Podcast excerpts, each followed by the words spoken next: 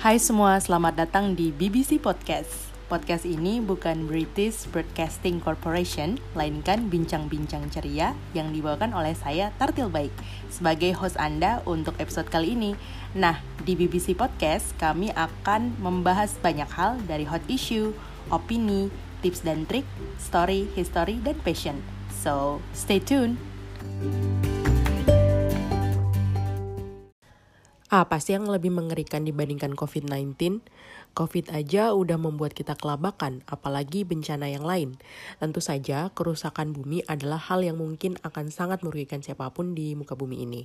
Kelihatannya sih sepele ya, tetapi dampaknya mulai dari bencana alam, atau kerusakan alam, kemudian dampaknya ke penurunan ekonomi dan kesehatan fisik serta mental manusia.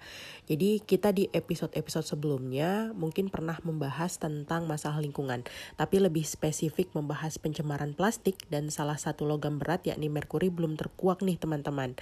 Nah, buat yang as yang asing dengan istilah ini, terutama merkuri ya, uh, jangan berhenti sampai di sini mendengarkannya. Kita akan membahas apa sih bahan-bahan ini dan bagaimana bahan-bahan ini tidak hanya merusak lingkungan, namun juga mengganggu kesehatan manusia. Nah, kali ini guys kita seru banget. Seperti biasa, beliau adalah mutual friend aku sama Indri. Nama beliau adalah uh, Kak Alfred. Kita uh, akrab panggilnya Kak Alfred. Uh, spill the tea dikit nih. Jadi uh, kakak ini dulu merupakan guru PPL di SMA aku dulu dan beliau mengampu mata kul eh sorry mata pelajaran kimia. Nah, beliau menyelesaikan program master di Flinders University Adelaide South Australia dan sekarang jadi PhD kandidat di Flinders University juga di bidang yang sama. Nah, kalau spesifikasinya nanti sorry, kalau spesifiknya nanti kita tanya-tanya aja langsung ya sama orangnya. Oh ya, kalau misalnya kalian kepo beliau bisa kuliah sampai sana. Kira-kira pakai beasiswa apa? Beliau menggunakan beasiswa AAS atau Australian Award Scholarship. Nah nggak usah nunggu lama lagi nih. Yuk langsung aja bincang-bincangnya dengan beliau Nah, sebelum kita berbincang lebih jauh, ada beberapa fakta yang ingin aku sampaikan terlebih dahulu. Yang pertama, tahukah kalian dilansir dari laman dw.com diperkirakan jumlah plastik yang ada di laut sebanyak 60%, di mana setidaknya ada 8 juta ton plastik mencemari lautan dunia setiap tahun. Ini bagaikan mengkosongkan truk berisi sampah plastik ke laut setiap menit. Hmm. Yang kedua, diperkirakan di tahun 2050 jumlah plastik akan lebih banyak jumlahnya daripada ikan. Saat ini saja saja rasio perbandingan plastik dan plankton adalah satu banding dua. Jika hal ini dibiarkan terus-menerus, maka suatu saat, suatu saat nanti jumlah plastik akan melebihi ikan pada tahun 2050. Jumlah plastik saat ini saja sekitar 150 juta ton dan ini jumlahnya sama dengan 1 per 5 bobot dari total ikan yang ada. Yang ketiga, menurut National Geographic, 73% dari semua sampah pantai adalah sampah plastik. Sampah tersebut termasuk filter dari puntung rokok, botol, tutup botol, pembungkus makanan, tas belanja, dan wadah poliestiren. Kemudian, sorry, polistiren. Yang keempat, uh, penambangan emas menggunakan merkuri dapat membawa dampak yang sangat buruk pada berbagai sektor uh, karena limbah merkuri tidak hanya dapat mencemari air tapi juga bahan pangan binatang ternak, hingga udara yang membahayakan kesehatan manusia. Sayangnya di Indonesia masih banyak yang belum memahami bahaya merkuri sehingga penggunaan untuk kebutuhan tambang emas sangat tinggi bahkan mencapai 57%. Halo Pak Guru, apa kabar? Halo, apa kabar? Sehat-sehat selalu. Alhamdulillah. Anyway, buat para pendengar mungkin tiba-tiba bingung ya, kenapa saya manggil Pak Guru karena seperti yang sudah saya sampaikan sebelumnya di introduction kalau yang jadi guest kita kali ini adalah emang guru SMA-nya saya kayak gitu. Jadi beliau ini dulu uh, pernah tinggal di Papua ya, Pak Guru ya. Well, Pak Guru, sebelum kita lanjut ke perbincangan topik kita pada episode kali ini, mungkin bisa perkenalan diri secara singkat gitu kah? Uh, nama dari mana, terus sekarang kesibukannya apa, terus uh, dulu uh, Pak Guru ini apa uh, mungkin pendidikannya di bidang apa dan sekarang meng, uh, sedang sedang sibuk atau fokus di bidang apa kayak gitu. Oke baik terima kasih Tartil. Saya panggilnya Tartil aja ya.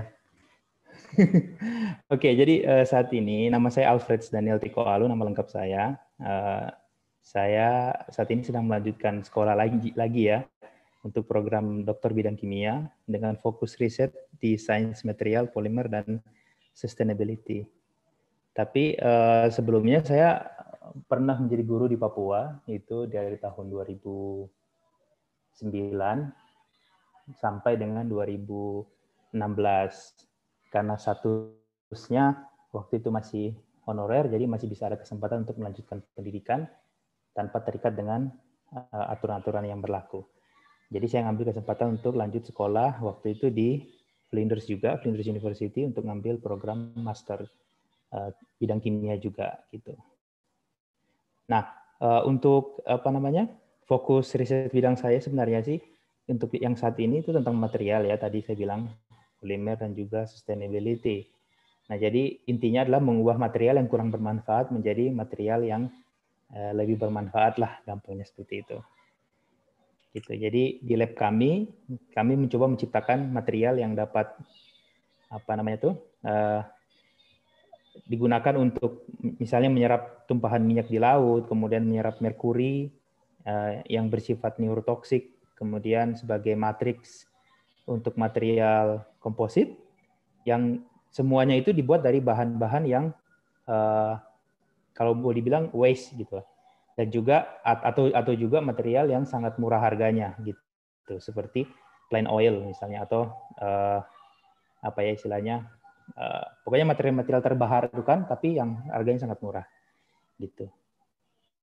I see. Oke. Okay. Wah, ini banyak sekali istilah-istilah yang mungkin para pendengar yang awam ini tiba-tiba apa itu komposit, apa itu material dan lain sebagainya. Tapi uh, tenang saja, kita tidak akan sampai uh, apa namanya membahas itu yang maksudnya hal-hal itu lebih dalam karena uh, saya yakin Pak Guru akan uh, menjelaskan sesuatu yang lebih singkat ya Pak Guru ya, maksudnya lebih sederhana ya gitu karena audiensnya banyak banget nih uh, orang-orang yang di luar dari bidangnya uh, Pak Guru. Anyway, Betul kita sekali. langsung mungkin mungkin kita langsung ke pertanyaan pertama Pak Guru. Jadi saat ini kan ya kita sedang menghadapi kondisi yang nggak biasa lah ya kita bisa bilang seperti itu. Hmm. Bukan hanya jumlah penyintas COVID-19 yang semakin banyak di Indonesia gitu. Bahkan Indonesia juga disebut sebagai epicentrum baru COVID-19 gitu ya. Jadi permasalahan lain yang muncul saat ini adalah permasalahan lingkungan yang ternyata belum selesai gitu ya. Jadi buntutnya banyak sekali di Indonesia ini. Nah, menurut Pak Guru, mengenai topik pencemaran plastik khususnya ya dan uh, merkuri ini bisa dijelaskan nggak sih sebenarnya dulu bahan-bahan ini digunakan untuk apa kok sampai sekarang bahan-bahan ini kok mengancam lingkungan gitu loh ya baik pertanyaannya bagus sekali ya jadi uh, pertama kita bahas dulu plastik ya kita bahas plastik dulu uh, jadi plastik itu sebenarnya diperkenalkan di tahun 1907 ya atau 1907 oleh Leo Baekeland dari uh, di New York sana. Nah, pertama kali itu adalah uh, plastik yang diperkenalkan adalah bakelite. Ya, kalau TV-TV zaman dulu mungkin atau radio-radio zaman dulu itu teman-teman uh, mungkin pernah lihat ya atau mungkin ada contoh bisa di search di Google juga. Jadi uh, TV TV ini maksudnya material yang dibuat ini untuk sebagai casing TV itu. Nah, sejak tahun 1907 itu Eh, Leo Baekeland akhirnya meng, uh, menggunakan istilah plastik pada zamannya ya, yang kita kenal sampai dengan saat ini.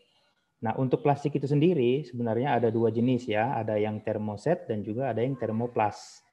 Atau gampangnya kita sebut uh, material yang kalau termoset itu tahan terhadap panas, jadi dilihat dari aspek ketahanannya terhadap panas. Sedangkan kalau termoplastik ini itu biasanya mudah mengalami deformasi atau perubahan apa eh, wujud fisiknya dia ya ketika diberi panas. Misalkan eh, seperti botol plastik air minum yang kita biasa pakai tiap hari misalkan gitu. Nah, eh, sedangkan kalau termoset itu kan dia relatif tahan terhadap panas. Nah, material termoplastik ini mudah didaur ulang sehingga material termoset apa sehingga material-material yang berasal dari termoplastik misalkan uh, yang kita kenal dengan polipropilen, polietilen, itu kan ada kode-kodenya yaitu tartilia. Jadi kayak ada kode 1, kode 2, 3 dan lain sebagainya. Itu perlu juga kita tahu. Nah, untuk uh, perbedaannya sendiri, saya sebenarnya uh, kita harus paham betul sama-sama ya tentang uh, perbedaan antara polimer dan plastik itu sendiri. Jadi polimer itu adalah material yang murni, jadi unit-unit kimia yang berulang-ulang. Itu biasa dibuat di secara industri. Kemudian plastik ini adalah polimer dan ditambah dengan aditif. Hmm. Jadi aditif itu seperti bahan penguat, ya kan filler atau material lain yeah, yang akan menambah uh, ya menambah atau memperbaiki kualitas polimer itu sendiri. Jadi kayak misalkan apa ya? Uh, apa istilahnya? Polimer coating misalnya. Coating itu pelapis ya. Misalkan ada beberapa material yang kalau kita pasang di depan rumah sebagai apa namanya itu pelindung panas misalkan. Nah, itu meskipun dia bahannya dari plastik, itu dia bisa bertahan sampai bertahun-tahun karena ada material yang ditambahkan di dalamnya. Jadi bukan murni dia apa istilahnya uh, polimer polimer saja ya, tapi ada ditambahkan dengan bahan-bahan lain seperti anti UV misalkan atau misalkan antioksidan. Nah, itu yang kita kenal dengan istilah plastik. Ingat sekali lagi ya, kalau polimer itu murni dari unit kimia yang berulang, sedangkan plastik itu adalah campuran antara polimer dengan bahan-bahan aditif yang tadi itu gitu. Jadi bikin materialnya okay. lebih kuat gitu atau misalnya material itu tahan terhadap zat lain gitu. Hmm. Oke, okay, siap Pak Guru. Terus gimana itu sampai apa namanya eh, komponen-komponen itu eh, membuat plastik itu bisa mencemari lingkungan kita sampai saat ini? Nah, jadi ceritanya itu sebenarnya berasal dari penemuan yang oleh Leo tadi. Akhirnya kan mereka menemukan material yang tahan terhadap yang durable lah istilahnya ya kan, yang sifatnya berbeda dengan logam.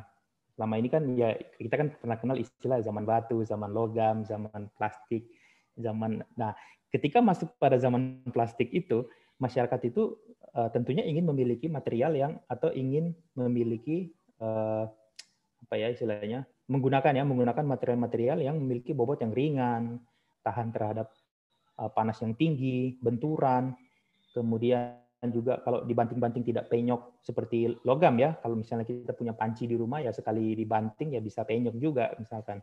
Nah dan juga dulu itu eh, misalnya menghindari memasak dengan menggunakan material logam seperti aluminium. Nah perlu kita ketahui bersama juga kalau misalnya kita mau masak menggunakan wajan kalau bisa jangan sering-sering ya ini menurut saya ya dari perspektif kimia. Nah, eh, kalau kita misalnya memasak menggunakan apa panci aluminium itu sebenarnya ada sebagian logam aluminium itu yang larut di dalam uh, makanan kita. Nah, oleh karena itu uh, sebaiknya tidak apa istilahnya ya, membiarkan makanan yang kita masak setelah dari panci aluminium itu dibiarkan di dalam wadah aluminium harusnya dipindahkan langsung ke wadah kaca dan lain sebagainya. Nah, jadi karena teknologi itu semakin pesat, orang semakin membutuhkan, maka dari tahun ke tahun plastik akhirnya mengalami perkembangan mulai dari per, apa pembuatan plastik itu sendiri dan dikutip dari web condorferis.co.uk itu sampai dengan tahun ini itu hampir 400 juta ton plastik itu diproduksi setiap tahun loh Tartil gitu jadi wow. dan 50 yeah. dan 50 persen dan 50 persen plastik yang digunakan itu adalah sekali pakai which is sekali kita pakai buang gitu. Hmm. Dan dari 50% itu hanya 9% saja yang di recycle, dijadikan apa? Eh, bahan daur ulang gitu. Nah, dan sektor yang paling banyak uh, menggunakan plastik ini adalah packaging atau untuk pembungkus. Itu hampir 40% dari 400 juta ton yang diproduksi itu. Nah, kini pun uh, sekarang pun ini kita kita tahu ya, plastik itu mudah ditemukan hampir di semua produk yang kita pakai, elektronik, pakaian, kursi, meja, bahan bangunan kemudian wadah makanan tadi yang sudah kita sempat apa sebutkan. Kosmetik juga ada. Contohnya misalnya mau apa istilahnya face wash ya untuk membersihkan wajah dari debu-debu dan kotoran itu kan ada yang mengandung mikrobits itu. Mikrobits itu pun terbuat dari plastik. Gitu. Dan alat-alat kesehatan yang saat ini sih kita gunakan di masa pandemi seperti masker, kemudian APD ya. Itu digunakan oleh para dokter dan tenaga medis lainnya. Jadi eh, untuk melindungi dirinya diri mereka. Nah, plastik ini juga sangat murah dan diproduksi dengan jumlah yang banyak karena uh, dia dibuat dari minyak bumi dan relatif harganya relatif sangat murah. Tapi yang perlu kita ingat adalah uh, bahan plastik ini ternyata dia sangat tidak sustainable gitu. Jadi gitu Tartil. Oke, wah mind blowing sekali sih Pak Guru. Jadi yang tadi mungkin beberapa faktanya mungkin agak familiar ya, tapi make up ini untuk face wash ini, wah oke oke oke. Nanti, nanti kita bahas uh, lagi akan ya, saya cari lebih lanjut. Nanti kita coba bahas lagi nanti pada saat uh, pertanyaan berikutnya kali ya. Tentang mikrobit. Hmm, iya, oh bisa bisa menarik menarik benar-benar. Jadi uh, pertanyaan berikutnya mungkin dari perspektif keilmuan kali ya Pak Guru ya. Kira-kira sebahaya apa sih bahan-bahan ini gitu ya jika mencemari lingkungan baik itu plastik atau merkuri gitu. Dan ada nggak sih sebuah kasus gitu ya uh, atau fenomena yang menggambarkan betapa berbahayanya kedua bahan ini jika tetap mencemari lingkungan. Mungkin setelah Pak Guru research mungkin ada satu daerah yang itu memang sangat sangat uh, buruk sekali kondisi lingkungannya dan mengakibatkan kerugian bagi masyarakat seperti itu. Oke baik, sebelumnya saya mau jelasin dulu sedikit ya tentang uh, merkuri itu sendiri ya. Jadi tanpa kita sadari memang uh, sangat mungkin sekali untuk kita mengkonsumsi merkuri tiap hari loh. Gitu. Jadi ada namanya bioakumulasi merkuri. Itu terjadi pada organisme hidup. Kenapa? Karena uh, tubuh organisme hidup itu umumnya terbentuk tersusun atas protein juga, ya kan? Nah, organisme hidup ini yang paling rentan terkontaminasi dengan merkuri ini ya seperti hewan air, kemudian kerang, ikan-ikan kecil, ikan besar. Dan merkuri ini ada dua faktor besar yang mempengaruhi pencemaran ini, merkuri ini, yaitu faktor alam dan juga aktivitas manusia. Sekali lagi, aktivitas alam dan juga aktivitas manusia. Nah, kalau faktor alam ini itu dipengaruhi dari aktivitas gunung api, baik di atas maupun di bawah permukaan laut ya. Kemudian pelapukan batuan, dari mineral yang namanya metasinabar atau sinabar itu material yang mengandung merkuri dan sulfur. Jadi eh, sebenarnya di alam ini kita terekspos dengan merkuri namun dengan jumlah yang sedikit secara alami ya, secara natural. Nah, aktivitas manusia inilah yang menyebabkan terjadinya akumulasi merkuri di lingkungan jadi semakin besar. Nah, misalkan seperti industri yang menggunakan merkuri sebagai bahan katalis pembuatan zat kimia misalkan atau misalnya material plastik ya.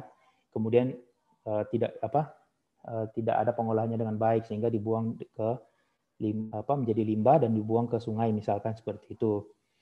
Nah, kemudian tambang emas dan juga batu bara. Sampai dengan saat ini masih banyak penambang tradisional yang menggunakan merkuri untuk menangkap emas. Jadi membuatnya sebagai amalgam atau logam campur. Karena sifat merkuri ini meskipun dia liquid ya atau cair pada suhu kamar, suhu normal begini, tapi dia bisa mengikat emas. Oleh karena itu sangat memudahkan para penambang ini untuk mengisolasi emas dari campuran tadi pasir dan lain sebagainya. Tetapi yang jadi permasalahan adalah emas ini emas yang yang ada dalam amalgam ini ya sekali lagi itu harus dibakar. Jadi merkuri menguap jadi gas dan emasnya tertinggal sebagai padatan. Itulah yang mereka ambil. Nah, jadi banyak faktor sebenarnya ya kalau merkuri ini pencemarannya. Kemudian tadi pertanyaan tentang perspektif keilmuan ya. Iya, betul. Iya. Jadi untuk uh, plastik sendiri dulu ya. Jadi untuk plastik itu ada namanya mikro and makroplastik. Jadi saat ini masih diteliti oleh para ahli sebenarnya. Jadi masih belum fix, belum apa ya, belum diklaim ya, atau misalnya belum dirilis uh, dampaknya ter, uh, terhadap kesehatan manusia itu seperti apa, detailnya gitulah. Nah, tetapi beberapa penelitian itu mengklaim uh, dan menurut saya juga paling mungkin terjadi adalah uh, untuk yang plastik ini mikroplastik itu mempengaruhi sistem pencernaan dan mengakibatkan nutrisi makanan tidak bisa diserap dengan baik oleh tubuh organisme itu sendiri. Nah, kalau kita lihat dari data yang dimuat di condorvirus.co.uk, yaitu ada website yang uh, seperti menjelaskan apa istilahnya memberikan fakta-fakta tentang uh, merkuri ini ya dan juga plastik itu uh, lebih dari satu juta spesies burung laut itu dan 100 ribu hewan laut itu mati karena polusi plastik tiap tahunnya ini. Nah, kemudian 100% dari bayi apa uh, penyu laut itu mengandung plastik pada pada apa namanya sistem pencernaannya dia. Bisa dibayangkan itu. Jadi dan satu dari tiga ikan yang ditangkap untuk dikonsumsi uh, sebagai makanan konsumsi itu itu mengandung plastik. Jadi tartil mungkin saat ini pernah juga yang makan ikan ada plastiknya di dalam. ya mikroplastik gitu misalkan gitu jadi Iya, kecurigaannya saya gitu. juga sih begitu. Hmm. Okay, Karena so kita jadi, kan di Papua suka makan ikan ya, Pak Guru ya. Terus betul, ikannya ikan-ikan besar gitu loh. Apakah mungkin, ya. maksudnya kita yang sering makan ikan besar ini, apalagi ikan-ikan, anggaplah ikan tuna, kalau dia udah gede banget tuh, Pak Guru. Itu kan ikan tuna atau ikan hiu, ikan paus itu kan mereka punya potensi yang sangat besar menyimpan apa merkuri logam merkuri di dalam tubuhnya kayak gitu ya. Nah itu gimana iya, tuh Pak Guru? Uh, jadi sebenarnya tergantung dari kondisi lingkungan sekitarnya situ. Jadi kalau lingkungan di situ apa ya? Saya kasih contoh yang paling nyata aja ya. Contoh Teluk Jakarta itu. Teluk Jakarta itu mungkin jadi banyak perhatian para aktivis lingkungan dan juga ahli-ahli ya, ahli-ahli lingkungan yang mempelajari tentang merkuri dan apa polusi plastik ini. Karena sifat kalau dari sifat apa plastik itu sendiri, pertama kita lihat itu kan plastik itu dalam skala besar ya, potongan-potongan besar itu kan bisa menyebabkan terjadinya penyumbatan di drainase drainase ya kan, kemudian dia bisa apa namanya uh, yang untuk ukuran mikroplastiknya itu bisa di, dimakan oleh hewan-hewan kecil. Nah, hewan-hewan kecil dimakan oleh ikan-ikan besar, ya kan? Untuk hewan air ya ini. Kemudian kita sebagai Eh, manusia mengkonsumsi ikan itu seperti yang tadi Tartil bilang, ikan tuna, dan lain sebagainya. Nah, cuman bedanya mekanisme distribusi dari apa namanya eh, mikroplastik ini dengan merkuri itu berbeda. Kalau mikroplastik ini cenderung melalui sistem pencernaan dia, jadi nggak bisa melalui melewati apa eh, kulit apa istilahnya kulit ikannya atau misalnya hewan-hewan yang lain. Tapi kalau misalnya merkuri ini itu bisa melalui mulus misalnya melalui kulit, contoh moluska ya, hewan-hewan moluska seperti kerang-kerangan. Kemudian uh, ikan pun bisa, tetapi nanti kebanyakan hewan-hewan kecil ini kan dimakan oleh ikan-ikan yang besar. Nah, jadi kalau misalnya daerah-daerah yang mengandung limpa pencemaran yang sangat tinggi itu sebaiknya kita menjaga untuk tidak mengkonsumsi apa atau misalkan membatasi konsumsi kita terhadap eh, hewan-hewan uh, laut ini gitu sehingga uh, distribusi merkuri ke dalam tubuh kita juga semakin kecil gitu. Hmm, Oke, okay. Pak Guru, uh, apa namanya? Ya. Mungkin ini satu pertanyaan yang sedikit relatable sama apa namanya kandungan merkuri atau logam berat yang ada pada ikan. Saya penasaran, bagaimana sih kita mengetahui bahwa uh, daerah perairan itu uh, aman dari apa namanya pencemaran logam merkuri kayak gitu. Maksudnya di Papua ini khususnya gitu karena kan kita konsumsi ikan paling tinggi ya selain gitu di ya, daerah ya. Indonesia ini. Sebenarnya kalau dilihat dari sisi yang tadi Tartil sampaikan, kita juga harus lihat misalnya industri industri industri apa saja yang bergerak eh, di pinggir-pinggir misalnya aliran sungai misalkan, pastikan nanti ujung-ujungnya akan ke laut, ke muara ya kan. Dan juga Oh ya betul juga. Uh, kita harus apa istilahnya harus ada monitoring sebenarnya dari pemerintah juga misalkan apalagi misalkan masyarakat yang sering menangkap ikan di daerah-daerah tertentu situ ya kan Iya betul uh, tetapi memang ya ini kasusnya tidak seperti tidak seperti yang terjadi di Minamata atau misalnya di Teluk Buyat ya yang memang nyata-nyatanya ada pabrik ya kan jadi hmm. Eh, pabrik itu dia jelas-jelas membuang limbah apa namanya merkuri itu ke sungai langsung tanpa ada namanya proses uh, instalasi pengolahan air limbah gitu kan. Hmm. Monitoring yeah, itu yeah, penting. Yeah. Jadi monitoring itu penting. Tetapi tidak usah khawatir kalau misalnya kayak di Papua misalkan atau misalnya hmm. di daerah-daerah yang uh, misalkan sekelilingnya cemarannya rendah, nah, boleh aja kita konsumsi. Tapi ingat lagi sekali lagi meskipun tidak terlihat ada pabrik-pabrik atau misalkan tidak ada apa ya istilahnya limbah-limbah plastik yang banyak misalkan atau hmm. lain sebagainya sebaiknya kita tetap membatasi konsumsi makan-makan ikan seperti ikan misalkan ya ini saya sudah rangkum juga sebenarnya contoh misalnya hmm. ikan tuna ya ikan ya, makrel ya, itu. kemudian uh, hmm. marlin ikan todak saya nggak tahu ini ikan todak seperti apa belum pernah lihat juga kemudian ikan hiu itu sendiri gitu hmm. jadi kalau secara biologi eh, rantai makanan ya ikan-ikan ini kan predator-predator ini mereka karena ya betul betul betul dari kecil terjadi bioakumulasi ke yang lebih besar lagi gitu iya mereka makan ikan-ikan kecil itu ya Iya. Hmm. Gitu. Oke, okay. wah menarik sih Pak Guru ini pembahasannya. Jadi uh, kita masalah ngomong ikan deh, tapi it's quite relatable. Anyway, Pak Guru, uh, tadi kita kita sudah membahas merkuri kayak gitu ya.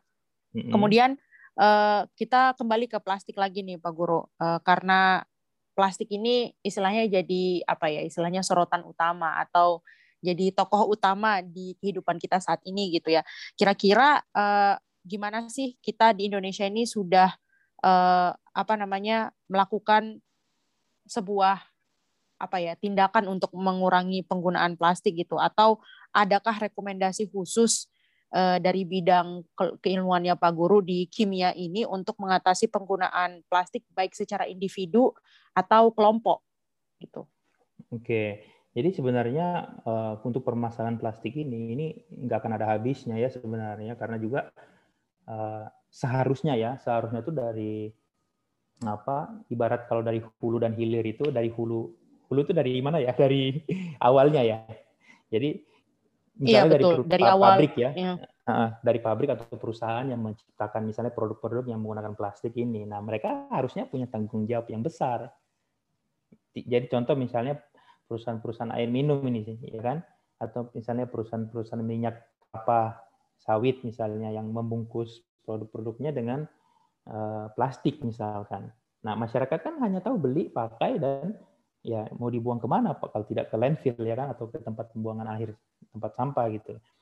Nah jadi sebenarnya kalau uh, untuk secara individu ya kita carilah alternatif bagaimana supaya kita berusaha untuk mengurangi penggunaan plastik itu sendiri ya kan? Jadi misalnya kalau mau beli makanan ya kalau bisa yang apa bungkusnya pakai apa namanya daun pisang misalkan seperti itu misalkan. Tapi kan di tidak semua daerah menyediakan alternatif seperti itu ya kan? Mungkin dengan apa misalnya belanja ke pasar nah kita bisa atau misalnya belanja belanja ke supermarket kita bisa juga menggunakan tas yang tidak sekali pakai gitu jadi dari tas pabrik atau misalkan noken ya kalau di Papua itu kita punya noken itu adalah upaya-upaya untuk mengurangi penggunaan plastik gitu. Karena sekali lagi yang tadi di awal kita bilang bahwasannya 40% eh, dari 400 juta ton itu ya sumbernya dari packaging tartil. Jadi kita harus bisa bagaimana supaya uh, meminimalisir lah penggunaan-penggunaan sampah-sampah plastik itu. Nah kemudian kalau misalnya minum air ya, ini kan kebiasaan kita di Indonesia juga ya, pasti maunya beli air yang di botol ya kan gitu. Bukannya yang apa istilahnya uh, isi ulang atau tidak misalkan memiliki volumenya yang cukup besar gitu. Misalkan botol yang satu setengah liter itu lebih baik lah daripada kita menggunakan membeli yang kecil-kecil gitu. Karena isinya cuma sekali teguk tapi uh, jatuhnya ke apa istilahnya hanya dibuang begitu saja dan mungkin tidak diproses gitu atau hanya dibakar misalnya seperti itu. Mungkin seperti itu Iya. Uh, ini fenomena yang agak sedikit apa namanya bikin shock juga sih Pak Guru. Maksudnya jujur uh, apa namanya mungkin saya dan Indri dan teman-teman yang lainnya pas waktu balik Indonesia karena kita mungkin terbiasa dengan pemisahan sampah, kemudian sampah itu dikelola dengan baik. Maksudnya truknya bahkan beda ya yang uh, apa iya. namanya iya. uh, yang reusable itu truknya beda sendiri, terus yang uh, apa namanya organic waste itu juga truknya beda sendiri kayak gitu. Jadi kayak di sini jadi bingung gitu. Akhirnya ya mau nggak mau kita membatasi konsumsi segala sesuatu yang memang berkaitan dengan uh, plastik yang langsung dibuang plastik. kayak gitu. Ya itu itu cukup dilematis menurut menurut saya sih kayak gitu. Dan uh, dan ini apa ya masalah kompleks kompleks lah kalau misalnya mau dikatakan karena kebetulan saya juga walaupun belajar food science ternyata kita belajar tentang packaging nih. Saya jadi merasa bersalah iya. kalau misalnya nggak ngomong tentang hal ini gitu karena betul, wah gila betul. sih memang namanya namanya keinginan manusia ya Pak Guru ya maksudnya yeah. uh, dari seluruh dunia apalagi saat ini trennya kita itu uh, kalau bisa merasakan makanan dari negara lain yang di negara kita nggak produksi ya otomatis kan bagaimana supaya makanan itu tetap terdeliver atau tersampaikan dengan utuh, aman, dengan rasa yang segar, otomatis itu mainnya di packaging gitu. Packaging, Tapi ya. kalau misalnya kita sampai bisa apa namanya sampai menerima produk makanan anggaplah Korea ya, ya. Anggaplah begitu karena sekarang eh, sekarang uh, boomingnya Korean Korean gitu. Uh, gimana kita bisa merasakan freshness atau kesegaran dari makanan tersebut kalau misalnya packagingnya nggak bagus, which is uh, packaging bagus itu membutuhkan ya material yang ya nggak ini nggak nggak nggak main-main gitu loh, maksudnya uh, nggak murah, kemudian yeah. ya itu juga kalau dipertimbangkan bagaimana kalau kata si Indri life cycle assessment-nya itu uh, se, se, seberapa, maksudnya di mana nanti berhentinya kayak gitu, itu ternyata agak dilematis juga kayak gitu. Tapi ya ya begitulah ilmu ini uh, bermuara begitu. Betul. Oke Pak Guru. Menarik jadi, sih Pak Guru. Mm. Ya jadi sebenarnya gini kayak misalkan kita pingin makanan-makanan dari luar negeri ya ya sekarang kan dengan adanya teknologi kita bisa misalkan melakukan inovasi ya misalnya kita membuat kimchi aduh saya pingin makan kimchi yang dari Korea langsung tapi packagingnya ini ini dan sebagainya itu kan termasuk apa carbon footprintnya tinggi kan harus diangkat pakai pesawat lah atau pakai kapal dan lain sebagainya. Betul, betul, betul, betul. Sudah sangat ya kita coba aja misalkan dengan ingredient yang ada misalkan di Indonesia kita coba buat di rumah sendiri. Jadi uh, tetap menghasilkan produk meskipun tidak sama rasanya ya seperti itu. Ya yeah. mudah-mudahan ada kesempatan langsung bisa ke sana jadi tanpa perlu kita hmm. uh, membeli tapi kan tetap harus ada namanya perdagangan bila apa secara hubungan multilateral atau bilateral dengan negara Indonesia. Betul, itu, betul. Pasti ada lah seperti itu. Nah, kemudian kalau memang sebenarnya kalau uh, masalah plastik ini ya, Kartil ya, sebenarnya di Indonesia itu uh, banyak kok sekarang masyarakat-masyarakat yang sadar, ya mereka hmm. juga menggunakan sampah. Jadi sebenarnya edukasi yang paling terpenting yang harus kita tanamkan kepada masyarakat sehingga uh, dan pemerintah juga harus mendukung gitu ya kan bukan hanya misalnya organisasi-organisasi tertentu atau misalkan uh, mulai dari RT atau RW di situ ya kan di lingkup, lingkup kecil. Nah itu hmm. penting untuk memberikan apa edukasi kepada masyarakat bahwasanya uh, ini kalau bisa sampahnya dikumpulkan di tempat yang uh, khusus sehingga nanti memudahkan juga pada saat nanti uh, uh, apa namanya organisasi-organisasi yang mengolah sampah ini menjadi material yang mungkin lebih berguna lagi. Jadi tidak ada kontaminasi dengan misalnya plastik apa namanya masih ada kontaminasi dengan minyak dan itu kan susah nanti proses harus dicuci harus dan lain sebagainya. Nah kalau di perspektif kimia itu di Indonesia banyak ahli-ahli kita itu yang mengubah plastik menjadi hmm. bahan bakar. Kenapa? Oh. Karena plastik itu dia berasal dari bahan bakar dari yeah. minyak bumi gitu. Yeah, nah yeah, yeah, yeah. seperti di uh, eh, UGM Universitas Sriwijaya kemudian ada beberapa juga dari ITB itu melakukan proses-proses apa namanya yang mereka yang kita kenal dengan istilah cracking ya atau pirolisis. Oh. Jadi dipanaskan yeah. plastik itu pada suhu tinggi, kemudian mengubah materialnya itu menjadi uh, apa namanya uh, dibakar dalam sistem tertutup ya. ya hmm. Kemudian jadi minyak kembali, jadi tetes-tetes minyak kembali dan tetes-tetes minyak itu bisa juga di uh, fraksinasi lagi menjadi material-material yang lainnya. Oleh karena itu plastik juga pun ada banyak macam ya Tartil. Sebaiknya masyarakat hmm. juga ini harus uh, kalau bisa jangan membakar sampah sembarangan misalkan gitu. Dan plastik itu kalau bisa jangan dibakar karena ketidaktahuan kita kadang plastik itu kalau dibakar bisa mengeluarkan senyawa-senyawa karsinogen atau senyawa-senyawa hmm. pemicu kanker seperti dioksin misalkan seperti itu. Nah, apalagi misalkan PVC ya atau yang kita biasa sebut paralon itu, pipa paralon. Nah, itu hmm. kalau hmm. dibakar itu dia menghasilkan gas namanya hidrogen klorida dan itu kalau kena ke hidung hmm. kita itu juga perih rasanya itu. HCl. Gitu. Ya. Jadi yeah. banyak sekarang sebenarnya yang sudah uh, bisa dilakukan. Teknologi komposit misalkan itu hmm. jadi plastik plastik bisa digunakan untuk bahan bangunan karena kan seperti yang kita seperti yang saya bilang tadi ada termoplastik ya material hmm. plastik tapi dia bisa dipanaskan. Tahan panas. Hmm. Hmm, termoset itu. Kalau yang termoplastik. Oh, sorry sorry. Iya, yang, yang bisa di tekuk bisa itu ya. ulang, bisa di bending, hmm. bisa di. Nah, pada titik tertentu dia bisa di melting atau bisa di hmm. apa? tapi tidak mengubah komposisi kimia ya. Nah, yeah. itu ada startup dari Prancis dan India itu mereka uh, menggunakannya menjadi bahan bangunan. Jadi pada saat dipanaskan oh. suhu melting dicampur dengan agregat ya kayak pasir, kemudian material-material lain-lain, hmm. kemudian dicetak setelah dingin dia jadi kayak plastik jadi kayak apa uh, briket gitu. Eh, batu briket. bata, briket. Uh. Bricks batu ya, bata ya, Pak gitu ya. Batu bata ya, betul. Bricks. Uh. Mm -mm. Nah, bahkan anyway, di... ide itu tuh dulu pertama hmm. kali, iya. Sorry Pak Guru, lanjut, lanjut, lanjut. Jadi uh, di India dan Prancis ini mereka bahkan menggunakan ini limbah masker yang saat ini di yang banyak kita oh, produksi. Oh, nice. Gitu. Hmm. gitu. Wah keren sih. Iya, hmm. pertama kali pertama kali tahu apa namanya teknologi plastik itu dibuat jadi bricks itu dulu pas waktu uh, saya satu dan itu tuh ada kayak apa kompetisi karya tulis ilmiah tingkat SMA se Jawa Timur apa kalau nggak salah ya. Pokoknya hmm. se Jawa Bali. Terus ternyata itu ada tuh anak anak SMA yang buat apa namanya bricks dari campuran agregat kayak pasir gitu sama Eh, plastik-plastik uh, yang bisa didaur ulang itu gitu. Hmm. Wah, hmm, hmm. itu ini sih emang berguna banget sih yang kayak gitu. Tapi uh, well, sebenarnya saya punya pertanyaan lagi sih Pak Guru, tapi kayaknya itu nanti off record aja gitu mengenai apa namanya hmm. topik plastik ini. Uh, baik, baik. Makasih banget Pak Guru untuk waktunya gitu. Kira-kira ada last remark nggak untuk topik kita uh, pada e-, episode kali ini? Baik, jadi sebenarnya uh, tidak perlu terlalu khawatir berlebihan ya, maksudnya.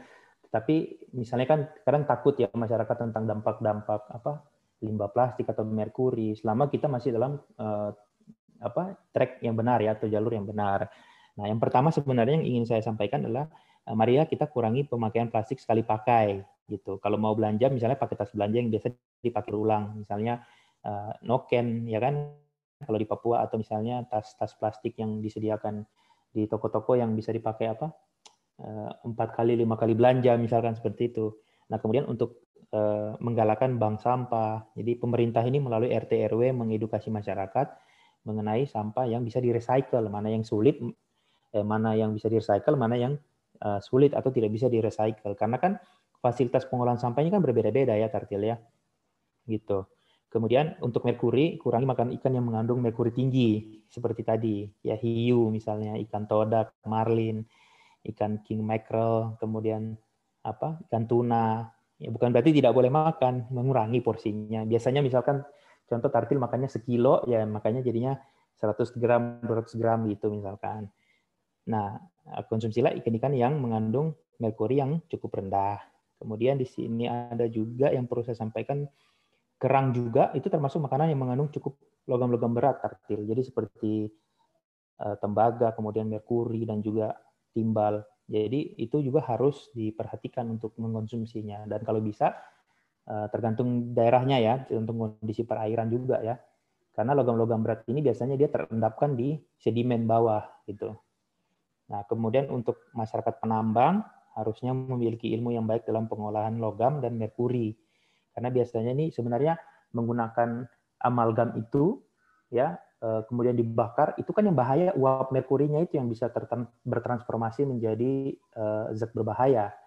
Nah, kalau misalkan sudah punya pengetahuan untuk menggunakan closed system atau sistem tertutup, maka akan lebih baik. Yang jadi permasalahan itu masyarakat itu cuma dapat amalgamnya langsung dibakar aja pakai apa eh, api gitu, jadi menguap sudah merkurinya, ya kena lah terakumulasi di dihirup sama dia dan jadi permasalahan. Dan pemerintah melalui pihak terkait, ini harapan besar saya ya, juga harus mengedukasi masyarakat ini. Kita kita ini memiliki cukup banyak ahli kimia juga atau teknik yang paham tentang pengolahan hmm. pengolahan misalnya logam emas ya kan. Jadi kalau bisa terjun ke lapangan ke lapangan. Karena sebenarnya tadi harusnya saya bahas ya tentang Undang-Undang Nomor 11 Tahun 2017. Jadi sebenarnya sudah diatur hmm. karena Indonesia itu salah satu negara yang mengesahkan uh, konvensi Minamata di Jepang itu. Jadi undang-undang undang-undang hmm. itu mengatur mengatur tentang uh, perlindungan ya uh, dan pengelolaan lingkungan hidup serta kesehatan manusia ya dari dampak merkuri. Gitu. Baik. Oke. Okay. Nanti Wah. ada pertanyaan silakan ya. Kita saya misalkan mungkin Siap, siap, siap, siap, siap. Hmm. Ya, Iya. Atau nanti mungkin ada apa namanya teman-teman pendengar yang mungkin bisa mau bertanya lebih lanjut apalagi topik seperti ini karena memang uh, jangkauan uh, pendengar kita tuh beraneka ragam, mulai dari yang SMA sampai yang ternyata ada yang PhD juga kayak Pak Guru begini gitu. Mungkin mereka bisa sambil saling uh, menca ini ya menyambung silaturahim, bisa iya. berdiskusi yeah. dan bekerja sama untuk membangun riset tertentu. Anyway, thank you sekali Pak Guru uh, udah meluangkan waktu untuk episode kali ini. Semoga apa namanya PhD-nya lancar dan ilmu yang disampaikan ya, bermanfaat. Thank you Pak Guru.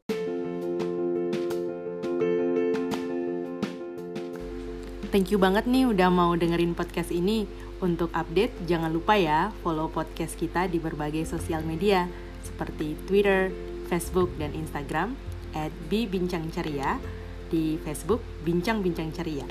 Dan jangan sampai ketinggalan episode baru setiap hari Kamis alias malam Jumat setiap jam 16.30 waktu Indonesia Barat. Sampai jumpa.